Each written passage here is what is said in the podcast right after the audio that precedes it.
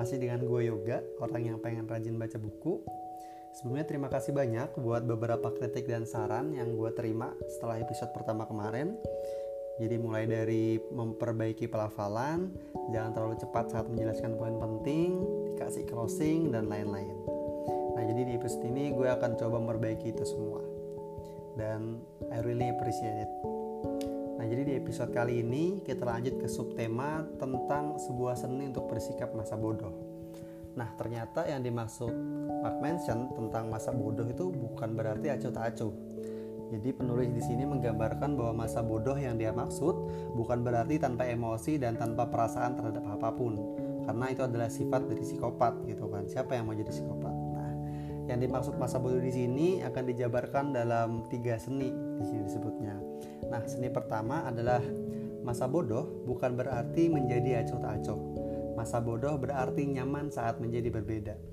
Nah, jadi orang-orang yang acuh tak acuh itu sebenarnya adalah mereka yang lemah. Mereka yang terlalu rewel terhadap segala hal, mereka yang terlalu memikirkan pendapat orang, dan mereka yang terlalu risau dengan apa yang dipikirkan orang lain.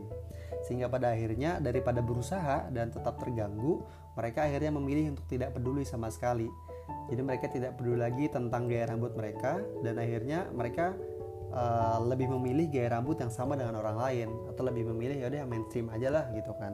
Jadi mereka tidak nyaman saat menjadi berbeda. Nah mereka takut terhadap dunia dan efek dari pilihan yang mungkin mereka ambil. Dan sekali lagi mereka acuh tak acuh karena mereka terlalu peduli. Nah, sehingga mereka tidak pernah mengambil keputusan berarti di hidup mereka dan bersembunyi di lubang kelam yang mereka buat sendiri, mengasihani diri mereka sendiri dan merasa aman terhadap masalah-masalah di luar sana. Nah, ternyata faktanya dari kehidupan ini adalah kita tidak pernah bisa benar-benar menjadi masa bodoh. Kita pasti memperdulikan sesuatu karena sisi biologis kita selalu peduli akan sesuatu. Nah, pertanyaannya adalah apa nih yang kita pedulikan? pemikiran orang lain atau kebaikan untuk diri kita sendiri. Nah, di sini penulis mengilustrasikan ketika ibunya ditipu, dia akan marah, bersumpah serapa dan bahkan akan mengambil jalur hukum. Dia lebih memilih membuat ini menjadi sesuatu yang ribut daripada mengikhlaskan begitu saja. Nah, nah dalam hal ini ia masa bodoh. Masa bodoh dengan hal yang ribet yang akan dialami saat mengajukan jalur hukum.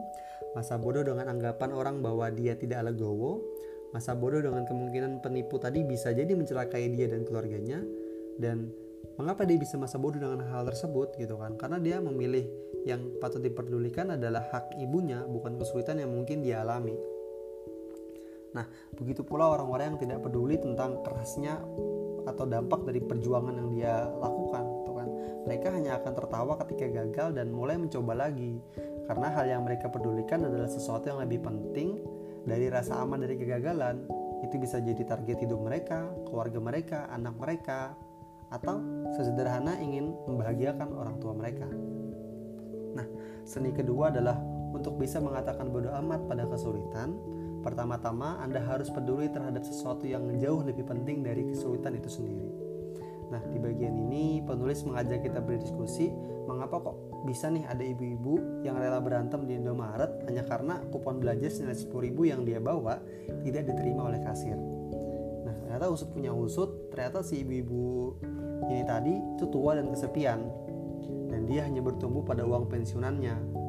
Jadi sehingga kegiatannya sehari-hari ya hanya menggunting kupon belanja yang mungkin dia dapat dari koran. Dan anak-anaknya pun mungkin sedang merantau dan jarang pulang ke rumah sehingga ia tidak punya pilihan lain selain mengguntingi kupon di kesehariannya. Akhirnya kupon-kupon tadi menjadi sesuatu yang penting bagi dia. Nah, kita bisa introspeksi diri nih, kita bisa coba flashback gitu kan.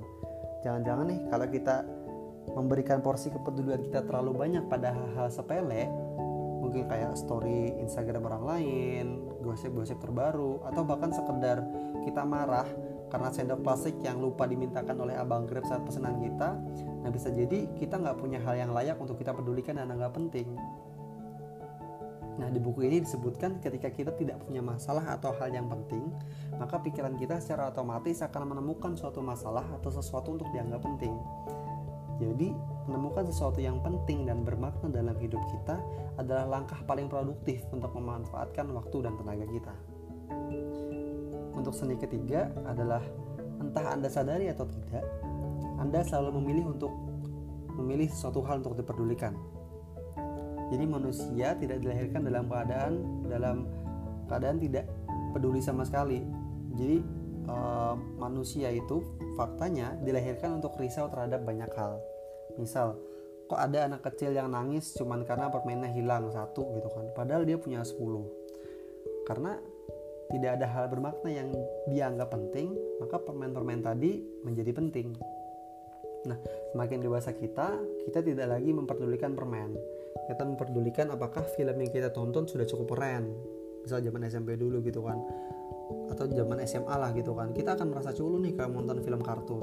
Tapi lambat laun, kita mulai sadar bahwa hal tersebut hanya memberikan pengaruh yang amat sedikit di kehidupan kita jadi hal-hal sepele seperti permen, jenis film, dan yang lainnya tidak lagi kita pikirkan.